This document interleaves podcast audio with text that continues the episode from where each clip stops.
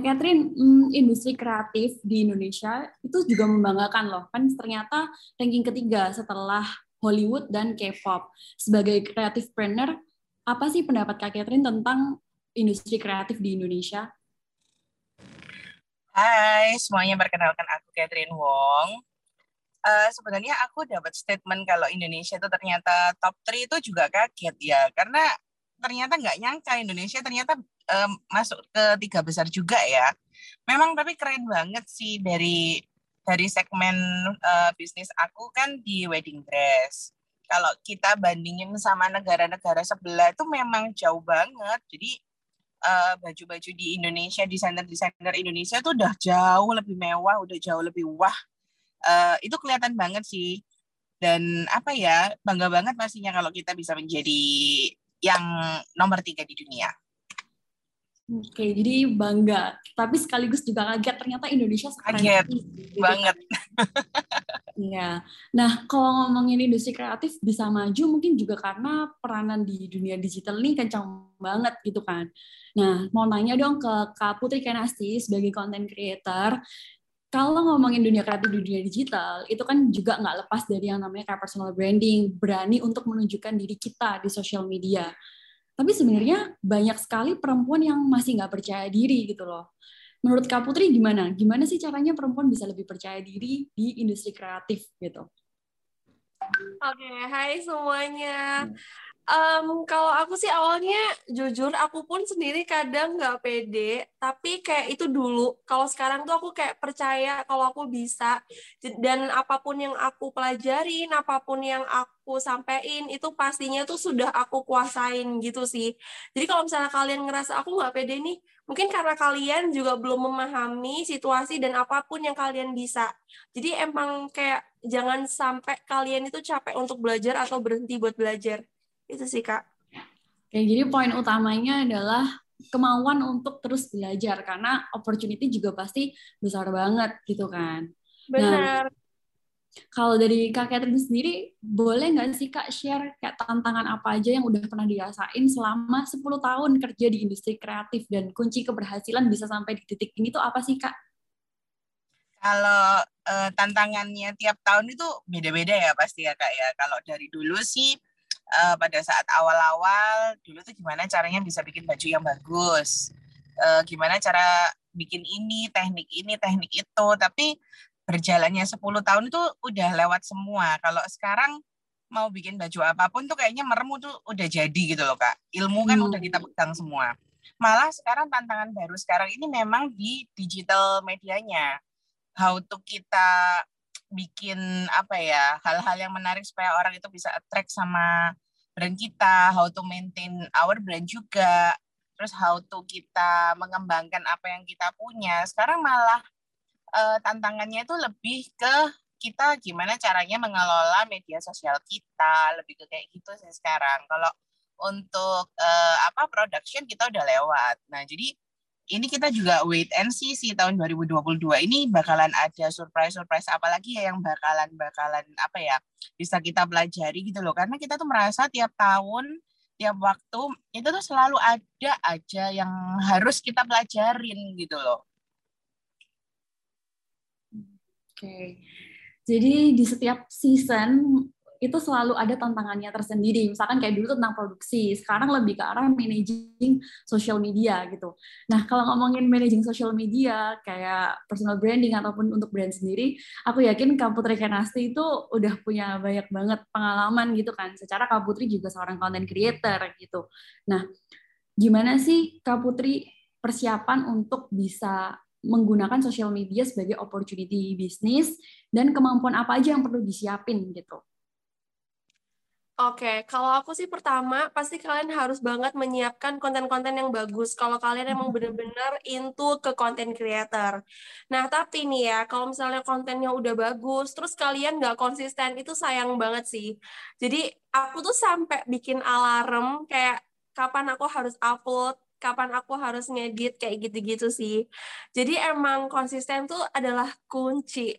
Gitu sih, Kak. Konsistensi adalah kunci gitu. Pokoknya jangan sampai jangan kasih kendor lah istilahnya. Iya, karena aku ngeliat pun juga banyak banget yang kontennya bagus, kayak teman-teman influencer juga, tapi mereka juga jarang upload, terus jarang berinteraksi juga sama followersnya. I mean kalau zaman sekarang kan itu lebih kayak ke kolaborasi, terus kayak gimana sih caranya kita maintain followers kita agar stay di account kita. Nah, itu adalah salah satu cara aku gimana caranya ya pokoknya followers aku tuh harus setia sama aku, jangan tinggalin aku gitu. Oke, okay, so buat selalu nge-like kamu loh kayak Nasti. ya aku tuh malu banget loh kalau harus live bareng sama Cek Catherine ya Allah. Boleh lah ya, mungkin abis sesi ini bisa bikin kolaborasi bareng yang heboh biar followersnya bisa tetap engage baik di tempatnya Kak Putri maupun Kak Catherine gitu. Oke, okay. Kita ngomongin yang agak serius dikit gitu lah ya, karena kan hari ini tuh International Women's Day gitu. Nah, kalau menurut data dari Kemenparekraf sebenarnya 56% pelaku di industri kreatif itu sebenarnya wanita. Jadi wanita ini ternyata lumayan rising gitulah di industri kreatif. Menurut Kak Catherine, support seperti apa sih biar wanita ini bisa lebih maju lagi dan lebih berperan aktif lagi di dunia kreatif? Sebenarnya kalau wanita-wanita ini tuh mendapatkan sorotan lebih di media sosial itu nggak ini ya nggak kaget ya.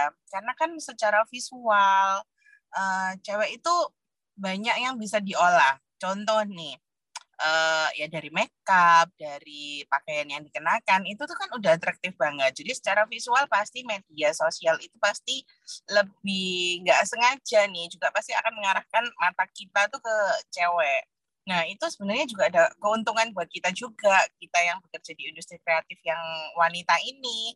Um, apa ya, kita diberikan kayak hal-hal yang lebih ini loh, yang nggak usah kita bekerja keras, tapi kita itu udah dapat sorotan lebih. Semoga uh, banyak keluarga juga yang dari masing-masing kita pengguna media sosial yang ingin menjadi uh, ini ya talent-talent itu bisa didukung oleh keluarganya. Terus kan agak kesusahan ketika kita itu bekerja sendiri ya kak. Maksudnya kayak gini kita eh, kita tuh kepinginnya tuh fokus di media sosial, di pekerjaan kita. Tapi ketika keluarga itu nggak mendukung, itu agak susah ya kayaknya kalau kita itu apa ya nggak dimotivasi, nggak diberi kebebasan, nggak nggak dikasihin kayak ruang gerak untuk kita uh, apa ya trial and error di bidang itu kayak gitu sih. Kalau Kenasti gimana nih? Kalau aku tuh dulu juga orang tua aku kan ya nggak ngedukung sama sekali kayak influencer. Yeah, karena dulu yeah. selebgram apa gitu kan. Mereka taunya aku tuh bolak-balik belanja. Karena bolak-balik juga ada paketan datang kayak gitu. Terus kayak akhirnya aku kayak ngejelasin no ini aku nggak belanja. Nggak ngeluarin uang sama sekali. Bahkan aku dapat uang gitu loh. Jadi ini tuh namanya endorsement mah kayak gitu gitu dan tapi menurut aku ya orang-orang tua atau keluarga itu bakalan bisa mengerti ketika kita tuh sudah menunjukkan kalau jalan yang kita pilih itu benar dan sesuai. Jadi aku tuh nggak yang cuma sekali dua kali menjelaskan kayak terus-terusan menjelaskan dan ngasih tahu benefitnya apa contoh-contohnya apa kayak gitu baru kayak bener-bener melek tank langsung oh iya ternyata sekarang ada ya dunianya tuh seperti ini berbeda yeah. jauh sama yang dulu dulu kan kayak kita tuh harus kantoran lah yang kayak gitu-gitu kan jadi kayak lebih sempit ruang lingkup dari pekerjaan gitu loh sedangkan kalau kayak influencer desainer dan lain-lain tuh kan kita tuh bisa mencakup luas dan nggak tahu sampai kapan umurnya gitu. Jadi kuncinya itu adalah komunikasi juga ya ke orang-orang terdekat kita. Kalau misalkan ada loh sebenarnya pekerjaan yang menggunakan sosial media dan selama kita mau menekuninya itu pasti ada hasil gitu kan. Nah, itu cerita dari Kak Putri. Kalau misalkan dari Kak Catherine gimana? Kalau misalkan kita throwback nih 10 tahun yang lalu, kayaknya pekerjaan sebagai fashion designer tuh nggak se-hype sekarang gitu kan. Dan orang tua itu pasti kan worried gitu ya. Kayak, anakku mau ngapain nih kalau jadi fashion designer dan segala macam. Gimana sih caranya dulu Kak Catherine convince orang tua ataupun keluarga terdekat lah. Kalau ya this is my passion, I'm gonna pursue that gitu. Sebenarnya itu tuh aku tuh perjalanan panjang banget menuju ke sini. Karena dulu waktu uh, mau mengambil jurusan ini pun itu banyak uh, banyak ditentang sama papa sama uh, mama. Karena mereka itu nggak nggak uh, ini ya nggak apa ya nggak ada contoh di luaran sana yang bisa sukses gitu loh. Apalagi kan waktu itu aku di Surabaya. Sedangkan di Surabaya itu desainer pada zaman itu tuh nggak ada yang sampai hit sekali sampai mengindonesia meng go internasional itu belum ada. Jadi dirasa itu nanti kayak kamu tuh loh jahit kancing aja tuh nggak bisa. Kok kamu tuh kok mau belajar jahit gitu loh. Dikirain mungkin aku mau kayak nanti levelnya itu mungkin kayak buka jahitan rumahan gitu kali ya. Karena kan pada pada saat itu tuh belum tren belum belum ada contohnya. Jadi sebenarnya aku itu juga nggak ini nggak diizinin untuk kuliah ngambil jurusan fashion. Sampai akhirnya aku nekat akhirnya uh, aku kebetulan nih Tuhan buka jalan. Jadi ada satu lomba yang aku akhirnya ikutin dan aku akhirnya dapetin beasiswa di situ akhirnya baru nih baru kayak orang tua aku tuh akhirnya oke okay lah coba aja. Toh kan juga nggak nggak ini kan aku juga nggak minta uang dari mereka. Jadi uh, aku ambil beasiswanya eh mulai dari situ jalan itu banyak terbuka. Mulai kerja di desainer-desainer kenamaan akhirnya banyak pengalaman yang didapat banyak koneksi yang didapat ya akhirnya baru sampai sekarang ini. Tapi perjalanan menuju ke sini itu memang nggak semudah sekarang ya. Karena kan sekarang itu udah kalau orang mau jadi desainer tuh kayaknya wah banget wah nanti bisa gini nanti bisa gitu. Media sosial udah jalan tapi pada zaman aku tuh dulu tuh agak ini banget agak PR banget. Jadi uh, apa ya strugglingnya itu banget sih kalau dari aku kak. Cuman karena posisi sekarang udah jadi udah jalan usahanya juga uh, udah banyak klien ya baru akhirnya dalam beberapa tahun uh, terakhir itu mereka udah kayak approve. Okay. Sama tau, aku mau nyambung ya. Aku juga. Nyambung aku tuh kayak karena kita zaman lawas ya, Bu. Iya, aku tuh kayak dari 2011 kan, mulai dari kayak selebgram selebgram gitu. Dulu kan namanya selebgram ya, Bun. Terus kayak ya ampun tuh udah apa ya mana aku juga dibully juga di kampus karena kayak apaan sih selebgram kayak gitu-gitu beli nih kali followersnya gitu-gitu padahal aku tuh sering banget ikut lomba. Jadi kenapa followers aku bisa banyak awal-awalnya tuh karena aku tuh sering banget ikut lomba fashion show. Aku lomba catwalk kayak gitu-gitu terus foto foto sejawa Bali, foto apa, foto apa. Jadi kayak aku tuh ikutan gitu loh. Dan emang dari TK kan aku suka modeling, dunia modeling gitu kan. Jadi kayak ketika di yang lain-lain nggak main Instagram, aku udah main Instagram duluan dan aku udah mencapai kalau nggak salah tuh 2.500 followers itu kayak udah gede banget. Dan kayak langsung ada yang mulai endorse gitu. Dan dari situ juga aku dibully sama anak-anak kampus. Sedih banget gak sih? Kayak kita mau maju kita mau nunjukin kalau ada dunia baru tapi malah kita tuh didownin sama orang-orang yang sekiranya mereka tuh nggak tahu iri atau misalnya apa kayak gitu sirik kali ya. Ya gitu jadi kayak sedih pol. Makanya sekarang kalau misalnya ada orang-orang yang mau uh, apa ya kayak memulai something new di hidupnya itu kayak better kita dukung aja deh gitu. Iya ya, tapi memang tapi memang semua itu pada awalnya gitu ya. Ketika kita tuh memulai sesuatu yang belum tren pada zamannya itu akan apa ya kayak dipandang sebelah mata dulu ya. Tapi pada saat kayak kita ini udah gede kayak sekarang orang bilangnya ya enak lah kan udah ini. Ya hmm. dulunya kita bagaimana juga pada saat awal memulai karir. Bener, bener Pol. Malah aku tuh sampai dulu tuh ya pas di kampus, kan dulu tuh ada kayak apa sih, um, kayak meet and greet gitu loh saking gak adanya influencer. Gitu tuh kita tuh ada meet and greet terus abis gitu uh, kesebarkan itu flyernya dan anak-anak kampus senior-seniorku pada tahu. Terus kayak setiap aku lewat gazebo hmm? gazebo di kampus tuh aku langsung di no ya yeah, iki siapa iki? Meet and greet gitu-gitu. Ya Allah sumpah sakit hati aku. Aku sampai sekarang masih inget pong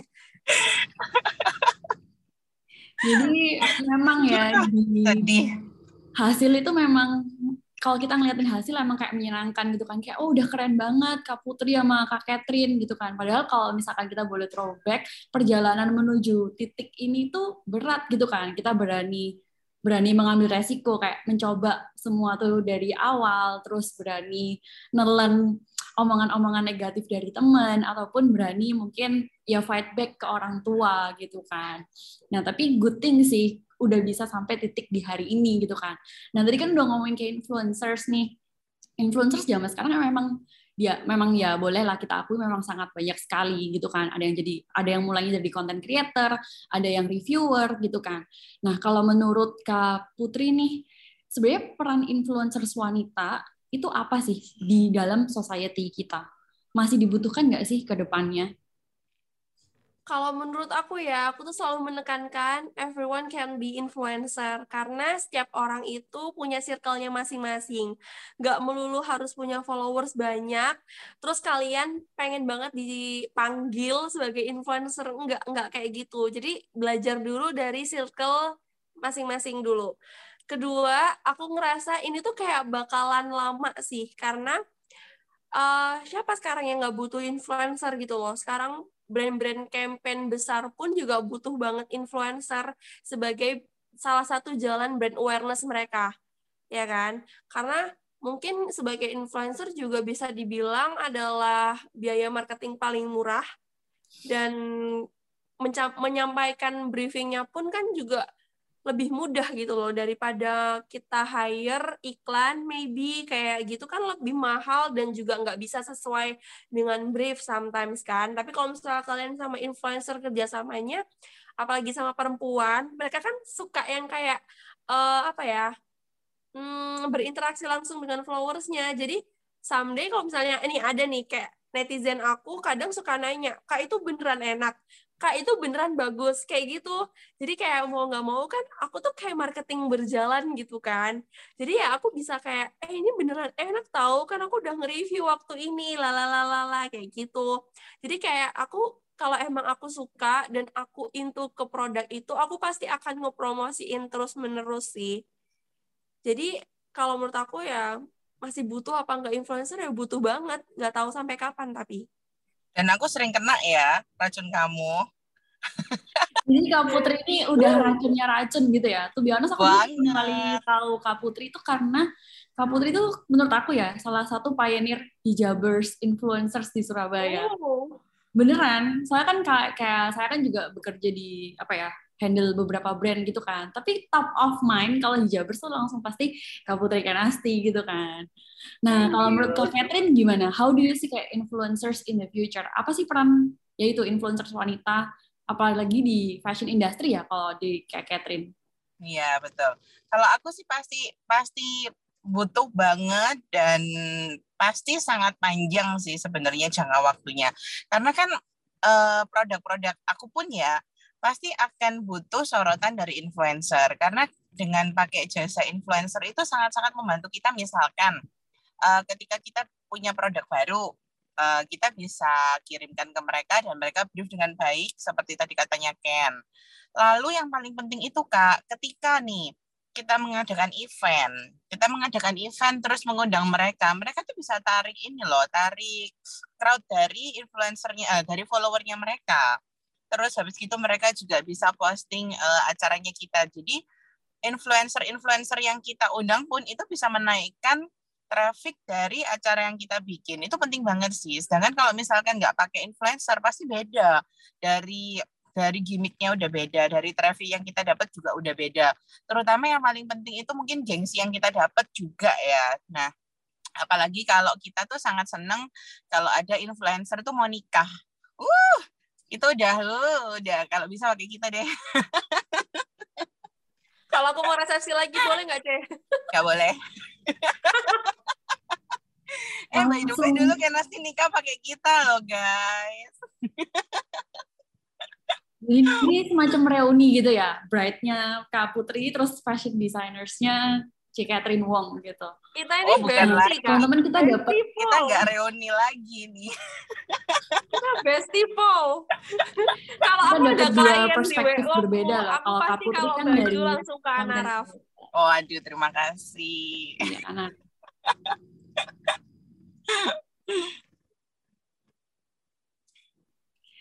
Tadi Kak Putri sempat mention kan, kalau misalkan ngomongin kayak influencers, jadi influencers itu sebenarnya bukan karena kita pingin di labelin influencers, tapi karena emang bisa kasih positif influence gitu kan buat orang-orang di sekitar kita.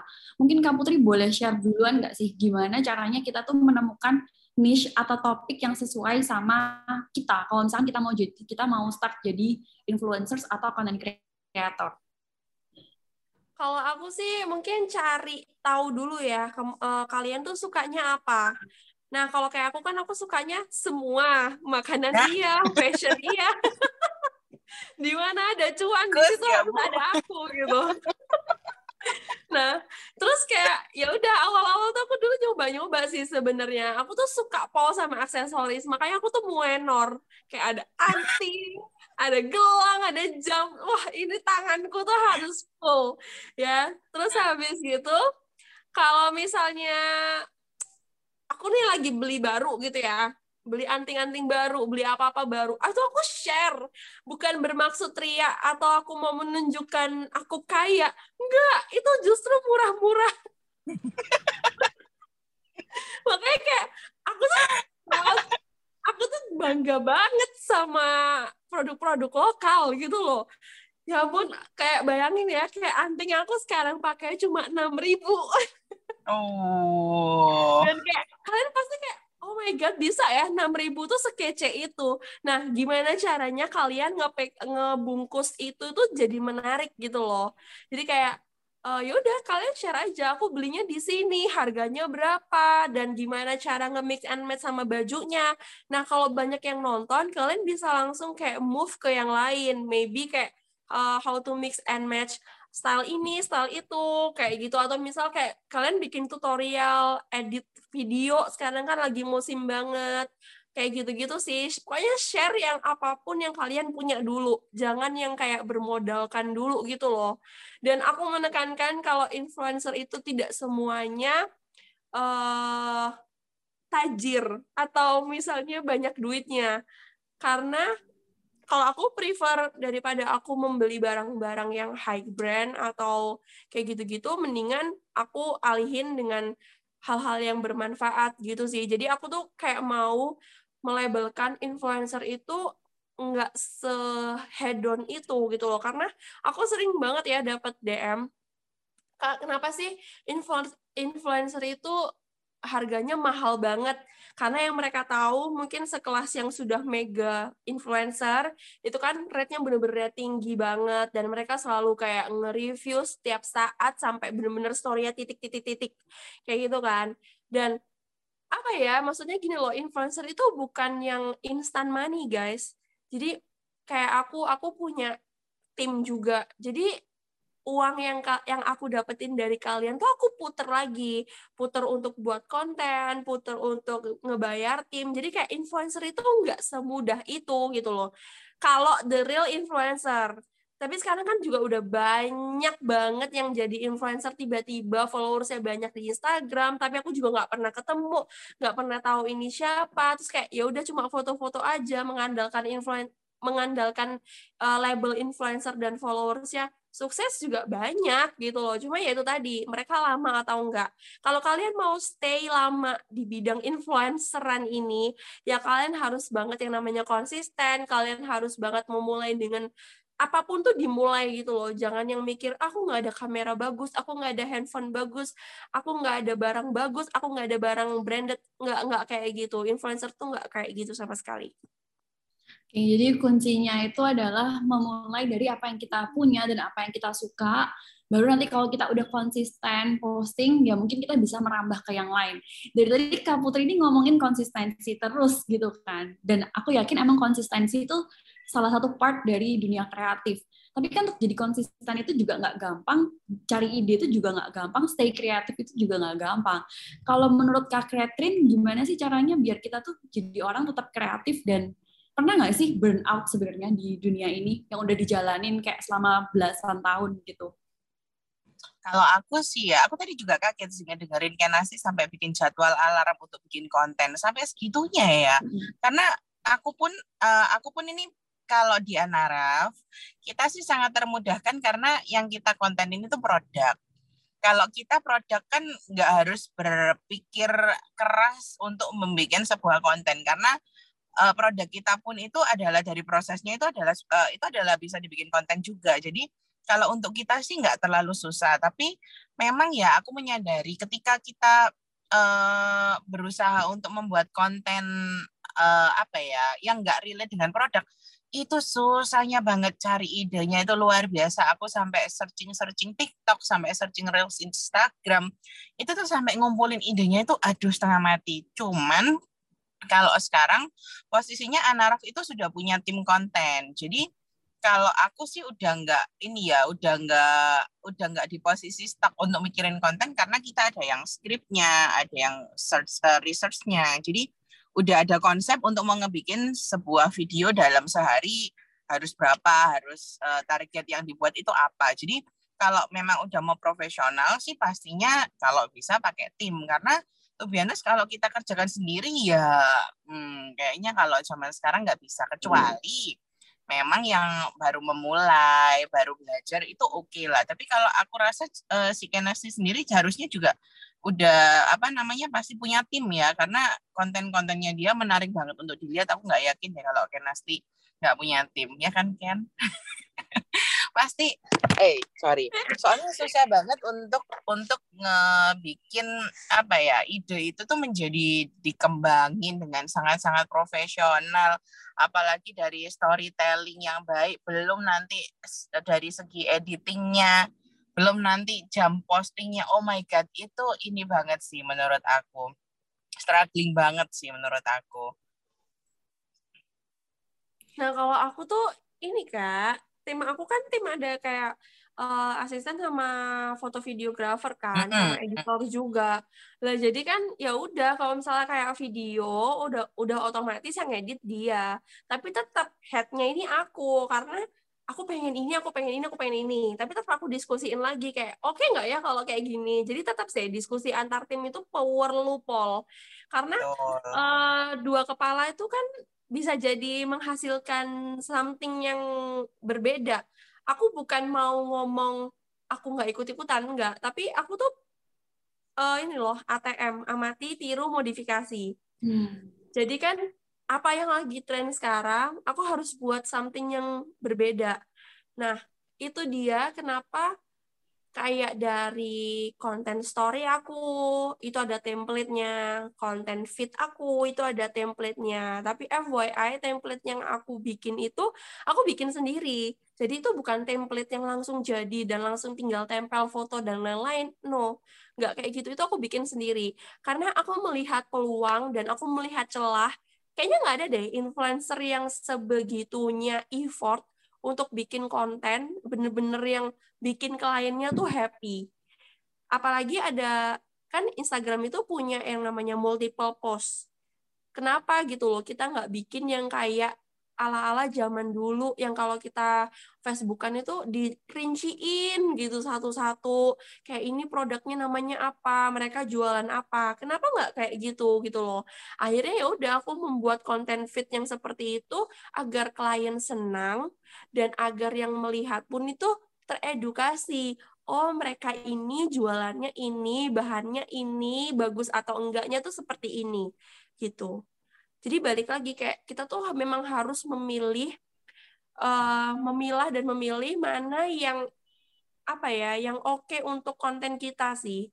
Jadi ya tim itu penting tapi tetap juga walaupun kita udah punya tim tapi harus kita tuh turun tangan langsung. Nggak bisa yang ya udahlah terserah aku aja jadi modelnya aja aku ngikut kalian. Ya nggak bisa kayak gitu. Kan yang dibayar kan kita ya sama klien yang tahu mukanya tuh kan kita gitu. Jadi kita tetap harus tanggung jawab. Betul betul. Apalagi kalau aku lihat uh, konten-konten yang kenas itu menarik banget dari penjelasan produknya itu detail banget. Entah apa sih? Mukanya loh lihat tuh. Ya, tapi memang memang aku kan juga udah beberapa kali ya uh, pakai jasanya Kenasti dari event dari kita punya produk baru dari misalkan kita bikin pameran bareng ya Ken ya itu tuh memang pesan yang dia sampaikan itu memang beda sih. Jadi uh, apa ya uh, kita juga perlu kita sebagai pengguna jasa influencer itu juga nggak ini nggak apa ya nggak sembarangan pilih influencer. Karena influencer-influencer di luar sana terutama nih yang baru-baru. Bener bener katakan tadi cuma bermodalkan follower tiba-tiba ada berapa puluh ribu tapi yang sering kita lihat itu story-nya tuh nggak menarik terus foto produknya itu juga asal kayak tempel di muka begini doang aku tuh kadang ini kok ini ya apa ya pesannya tuh nggak tersampaikan gitu loh jadi kita tuh kita pengguna jasa uh, para influencer pun ini sangat-sangat picky uh, untuk mencari influencer itu yang bisa menyampaikan detail produk kita tuh dengan tepat. Iya gitu, bener-bener. Uh, lagian juga kan sekarang udah banyak fasilitas ya kayak Instagram itu fitur-fiturnya juga udah banyak. Kenapa nggak kita tuh, kenapa nggak influencer itu mikir juga gitu loh? Apa sih yang bisa diambil bikin bikin kelihatan akunnya dia tuh beda gitu sih makanya aku tuh nggak suka banget aku bete banget kalau ada influencer tapi dia tuh yang kayak tiru-tiru kayak nah. Kan bisa dimodifikasi gitu sama kan kayak desain bete kan kalau ada desainer lain yang tiru-tiru wow. ya kan kesalahan yang sama ya bun nah, okay. sama aja semuanya makanya kayak kamu mau dibilang influencer tapi dari style aja nggak punya, kamu tiru-tiru. Dari konten juga gitu-gitu aja, nggak menarik. Terus dari hal effort pun juga nggak ada. Maksudnya gini loh, kamu udah diberkahi cantik atau ganteng, tapi ya masa nggak bisa sih ngelihat peluang gitu loh. Peluang ini banyak loh, ya kan? Bener-bener. Apalagi kalau misalkan uh, apa apa ya kalau ngekor terus itu tuh nggak usah khawatir kan karena akan terlihat sih siapa yang jadi apa ya yang bikin duluan dan jadi kepala nih. Kalau aku bilang ya aku kan selalu punya moto. Selalu menjadi kepala karena selalu di depan daripada menjadi ekor yang selalu di belakang. Karena nggak usah khawatir kan karena dia itu mereka tuh pasti akan ada di belakang kamu terus nih karena mereka ngekor terus. Kamu tahu kan maksudku kita jadi rumpi ya, ya ini di sini. Jadinya juga nggak akan bisa mengejar kita karena mereka mungkin nggak tahu ya, nggak bisa mikir ide yang lebih apa ya, lebih berbobot dari kita kah atau gimana. Jadi memang enak cuman kopas kopas kopas gitu tapi ya eh, otomatis nggak akan lebih besar dari kita sih jadi santai ya, kayak jadi buat teman-teman juga ya ini paling penting tuh jangan sampai kalian itu ngopi sesuatu nih entah apa entah kalian mau jadi content creator entah kalian pekerja seni apa. Jangan sampai cuma di copy terus paste gitu doang tapi benar-benar di ATM itu tadi harus ditiru tapi dimodifikasi supaya ada apa ya style kamu yang masuk ke situ jadi pembeda juga daripada yang lain kayak gitu. Jadi kita tuh tetap harus punya ciri khas sih. Benar. Sih. Ini kan udah ngomongin kalau kayak sebagai content creator atau sebagai fashion designer banyak banget inspirasi di luar sana. Kayak ada quotes yang bilang kayak there's nothing new under the sun. Selalu banyak hal yang sama sih di dunia ini, tapi tergantung gimana caranya kita bisa memodifikasi dan memasukkan personal style kita di sana.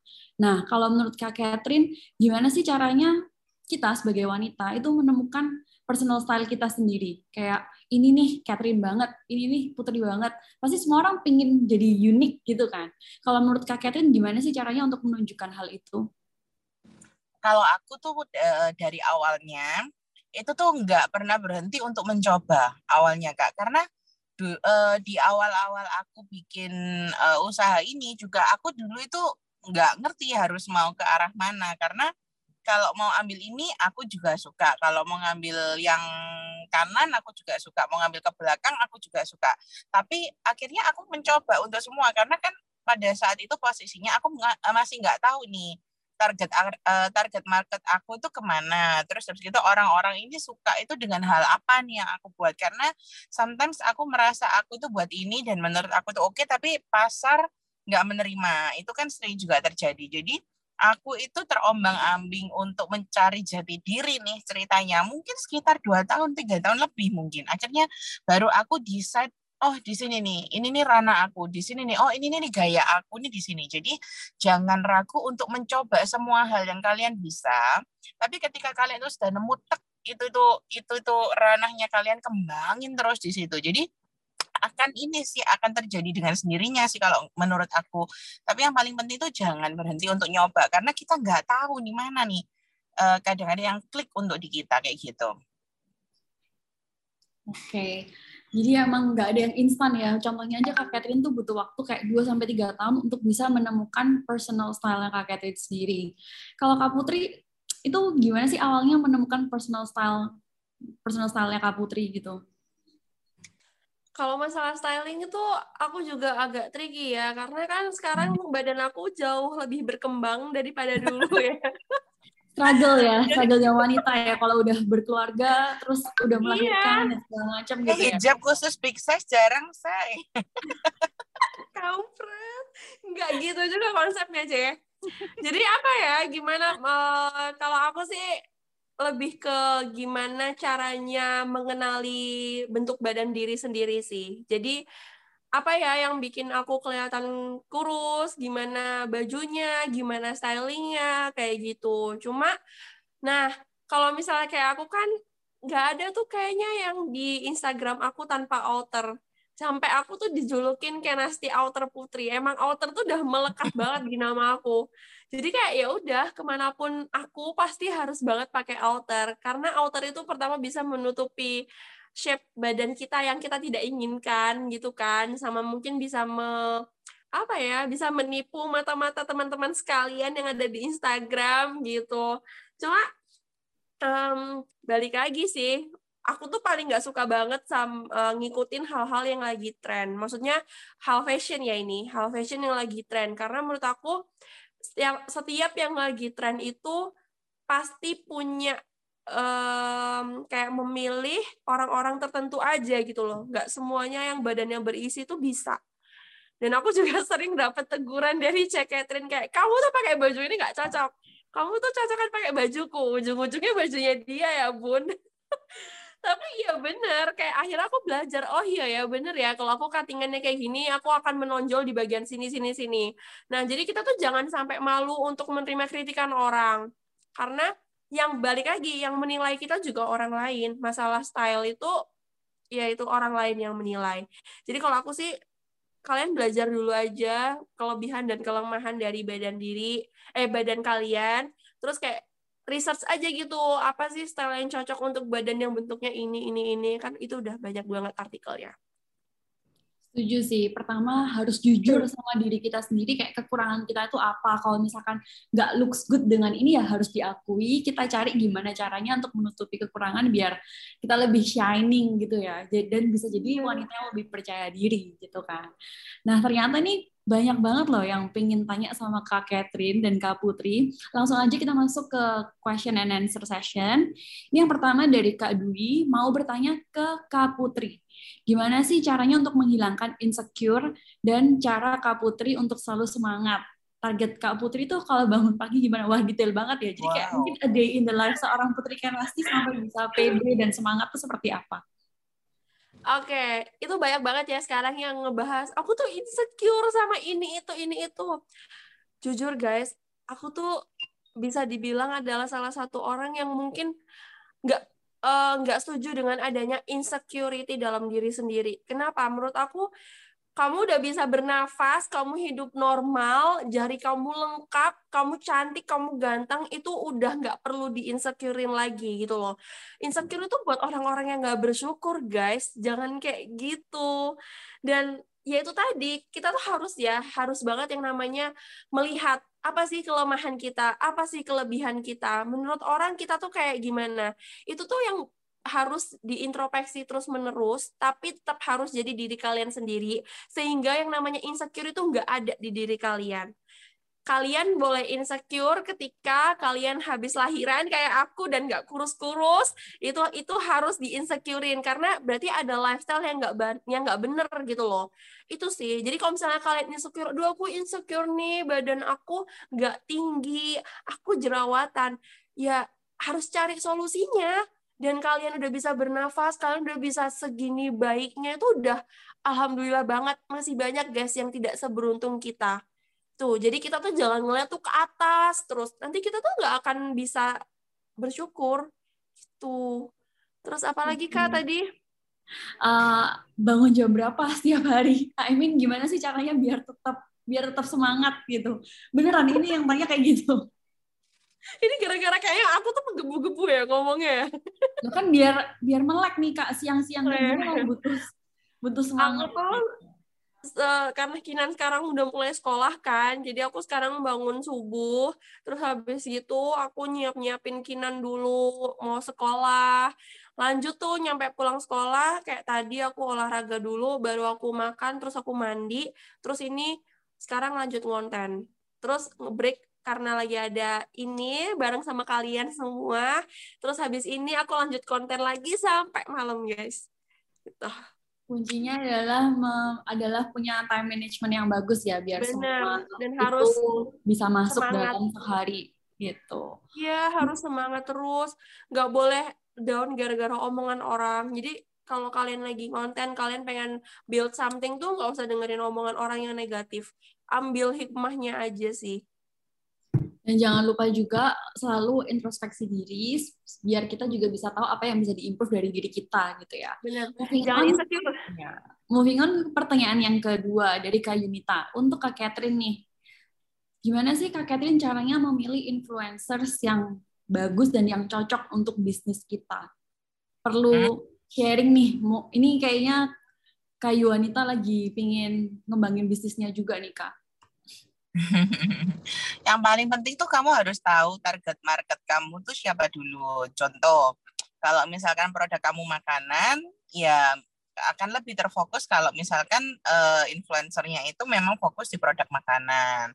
Tapi kalau misalkan nih produk kamu ini bisa uh, kepinginnya uh, ke mana-mana nih, nggak cuman influencer makanan aja, berarti ya nanti kamu milih beberapa influencernya di beberapa ini, beberapa segmen kalau aku sih biasanya kita itu uh, ada tim lagi untuk search KOL yang akan kita pakai. Cuman biasanya itu kita bisa cek dari upload-uploadan yang mereka uh, buat, kita juga cek dari konten-konten yang mereka buat, kita tarik biasanya kita sampai ngecek dari komen-komen uh, dari feednya mereka. Biasanya klien uh, apa follower-follower mereka itu ngekomennya tuh apa? Interest atau enggak? Biasanya sih kita tuh malah nggak terlalu ngelihat jumlah follower jumlah uh, jumlah likes itu kita nggak ngelihat.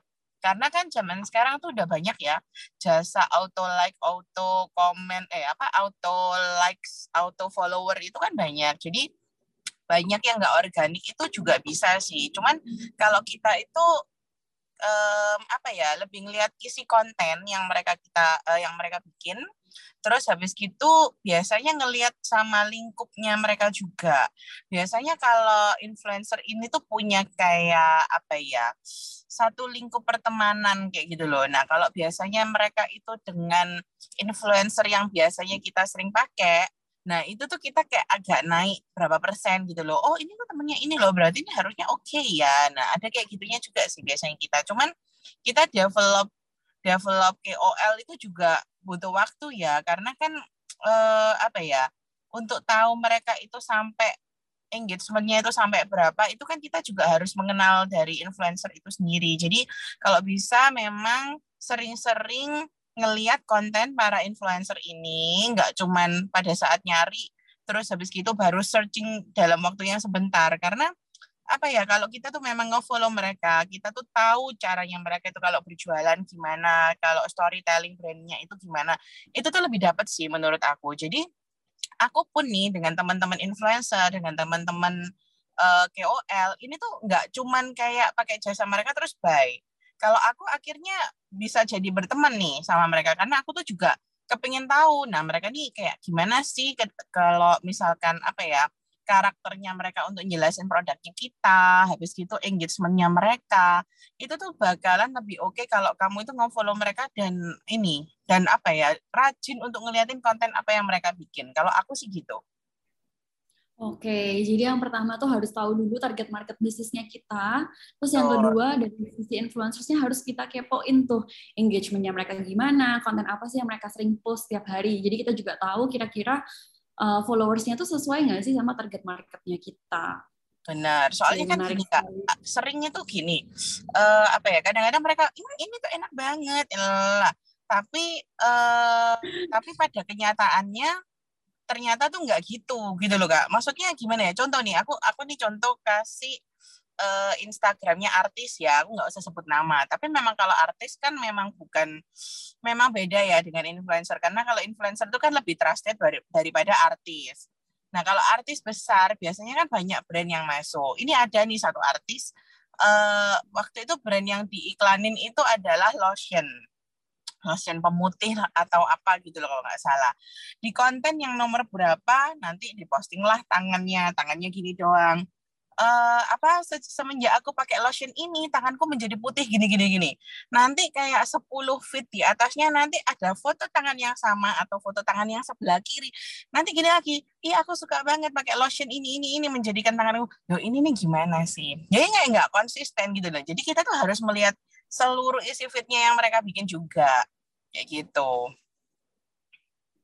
harus dicek konsistensinya mereka juga ya karena konsistensinya seorang influencer atau endorser itu yang menentukan apakah market atau audiens mereka bakalan trust dengan brand yang di endorse atau enggak gitu ya. betul karena kalau mereka terlalu banyak terima brand dengan waktu yang bersamaan dengan serupa ya otomatis follower mereka juga nggak bisa percaya dong dengan apa yang mereka apa ya suggestkan kemarin nggak suggestin ini besok nggak suggestin yang lain terus yang mana sih yang yang yang yang benar-benar trusted yang menurut benar kamu. bagus gitu. Benar, okay. benar, benar.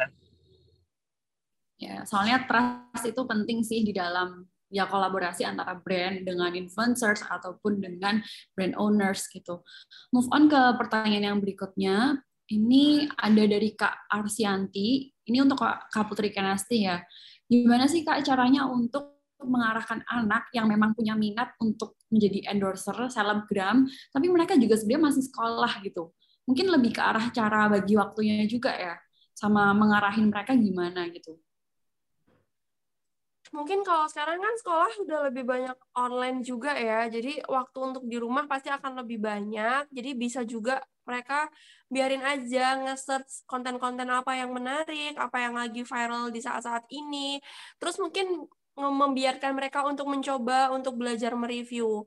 Karena jadi influencer yang baik yang baik itu sebenarnya bikin konten review yang baik juga.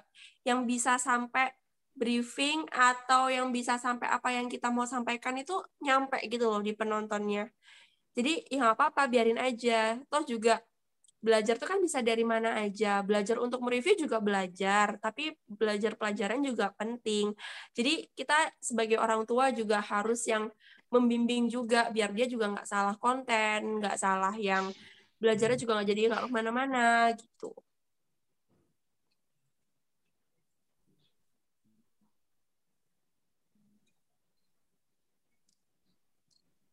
Jadi sebagai pelajar pun ada waktu untuk belajar, sebagai content creator juga harus belajar juga karena nggak gampang lah semua pekerjaan itu dan harus bisa bagi-bagi waktu juga nih.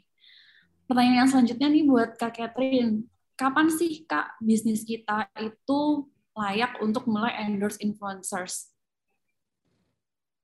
Waktu yang tepat kapan sih untuk mulai endorse influencer?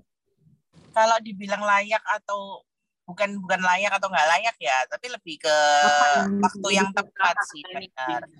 kalau kalau memang ini tuh tergantung lagi ya balik ke balik ke modal masing-masing sebenarnya. Bukan bukan kita itu ngomongnya waktu tapi kalau aku bilang sih juga harus dipersiapkan modal untuk uh, eh, KOL karena uh, kembali lagi nih kalau misalkan uh, kita punya produk tapi penyampaian kita itu nggak nggak nggak ini nggak tersampaikan dengan baik. Terus banyak orang yang nggak tahu dengan produk kita benefitnya apa. Nggak usah sampai benefitnya apa produk kita aja nggak tahu gimana tahu benefitnya kita. Tapi kalau dengan para bantuan KOL ini akhirnya kan produk kita tuh jadi lebih tersounding. Dan akhirnya banyak orang yang tahu brand kita. Otomatis jadinya akhirnya mereka itu tahu nih oh ada brand ini loh kita mau cobain ah misalkan kalau misalkan makanan nih kak bisa bisa secepat itu sih kamu open hari ini pun besok kamu mau buka pakai KOL juga sangat-sangat bisa cuman ya itu lagi tetap harus dihitung ininya modal untuk KOL-nya pengeluaran tiap bulannya harus ada dana sendiri untuk promosi. Kita pun juga sih. Jadi setiap bulan itu kita memang sudah harus menyiapkan dana untuk promosi. Misalkan nih kita tiap bulan tuh budgetin uh, sebulan kita punya budget berapa berarti uh, nanti dari tim kita ini akan menyesuaikan dengan budget kita. Nanti kita memasukkan ke mana dulu nih influencernya uh, untuk pengenalan produk kayak gitu-gitu. Nanti kalau misalkan dari uh, apa ya hasil yang kita terima itu promotion pakai KOL itu oke, okay, income-nya sudah lebih banyak. Nah, berarti biasanya sih kita juga juga akan menaikkan budget untuk KOL ini tadi karena kan income-nya kan juga lebih besar. Berarti kita memang lihat oh oke okay, berarti promotion lewat KOL ini lebih oke okay juga ya bisa bisa menjadi salah satu promotion yang bisa kita tetapkan untuk promotion utama kayak gitu. Jadi ya kalau misalkan udah ada udah ada budget, alokasinya juga bisa memulai untuk mulai endorse para influencers gitu ya.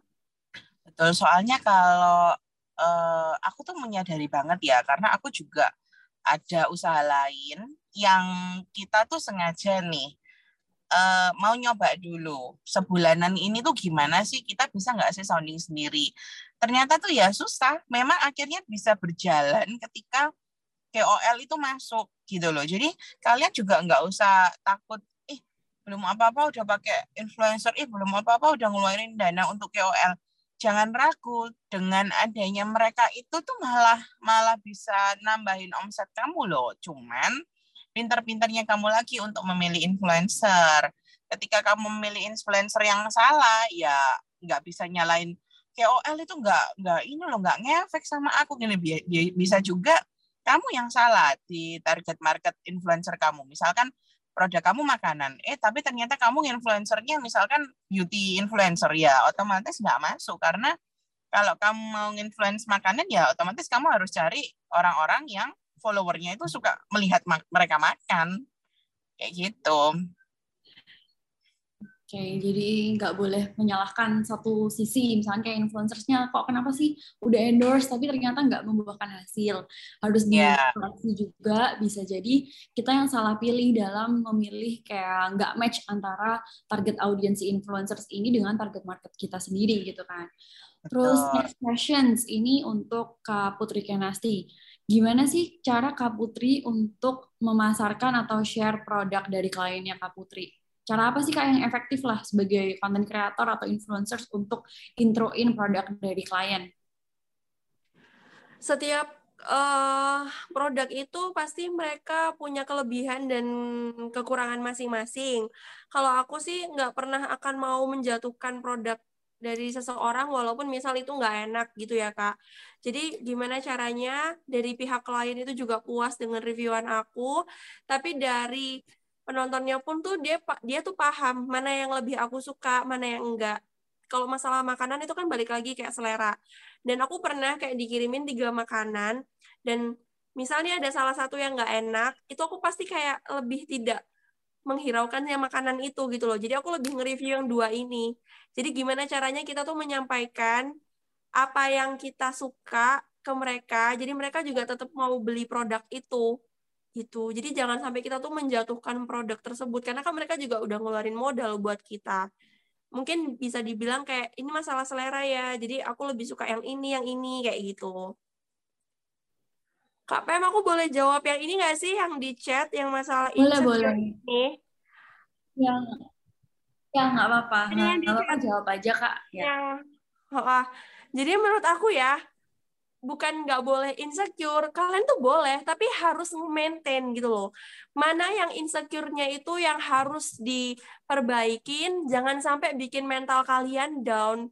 Nah ini nih yang membedakan kayak anak zaman dulu sama anak zaman sekarang. Mungkin kayak aku, Cek Catherine, kita udah sering banget menemukan kayak kita dibully, kita tidak dipercaya dengan orang sekitar untuk melakukan hal-hal yang baik sampai detik ini. Bedanya mental kita dulu diancur-ancurin sama orang kita masih tetap stay. Kurang insecure apa gitu kan zaman dulu. Nah, kalau zaman sekarang dikit-dikit kayak mental health aku terganggu. Nah, itu loh yang menurut aku jangan jangan menjadikan insecure uh, kunci dari kegagalan kalian. Itu tuh jangan kayak gitu. Maksudnya apa ya kan banyak orang-orang di luar sana insecure dibully pada akhirnya jadi bunuh diri, iya kan? Jangan sampai melakukan hal-hal bodoh gitu loh. Maksudnya kalau kalian insecure, kalian tahu kelemahan diri kalian, ya gali, gali potensi kalian. Cari kelebihan kalian itu apa. Jangan sampai kalian tuh kalah sama yang namanya insecure. Gitu, guys.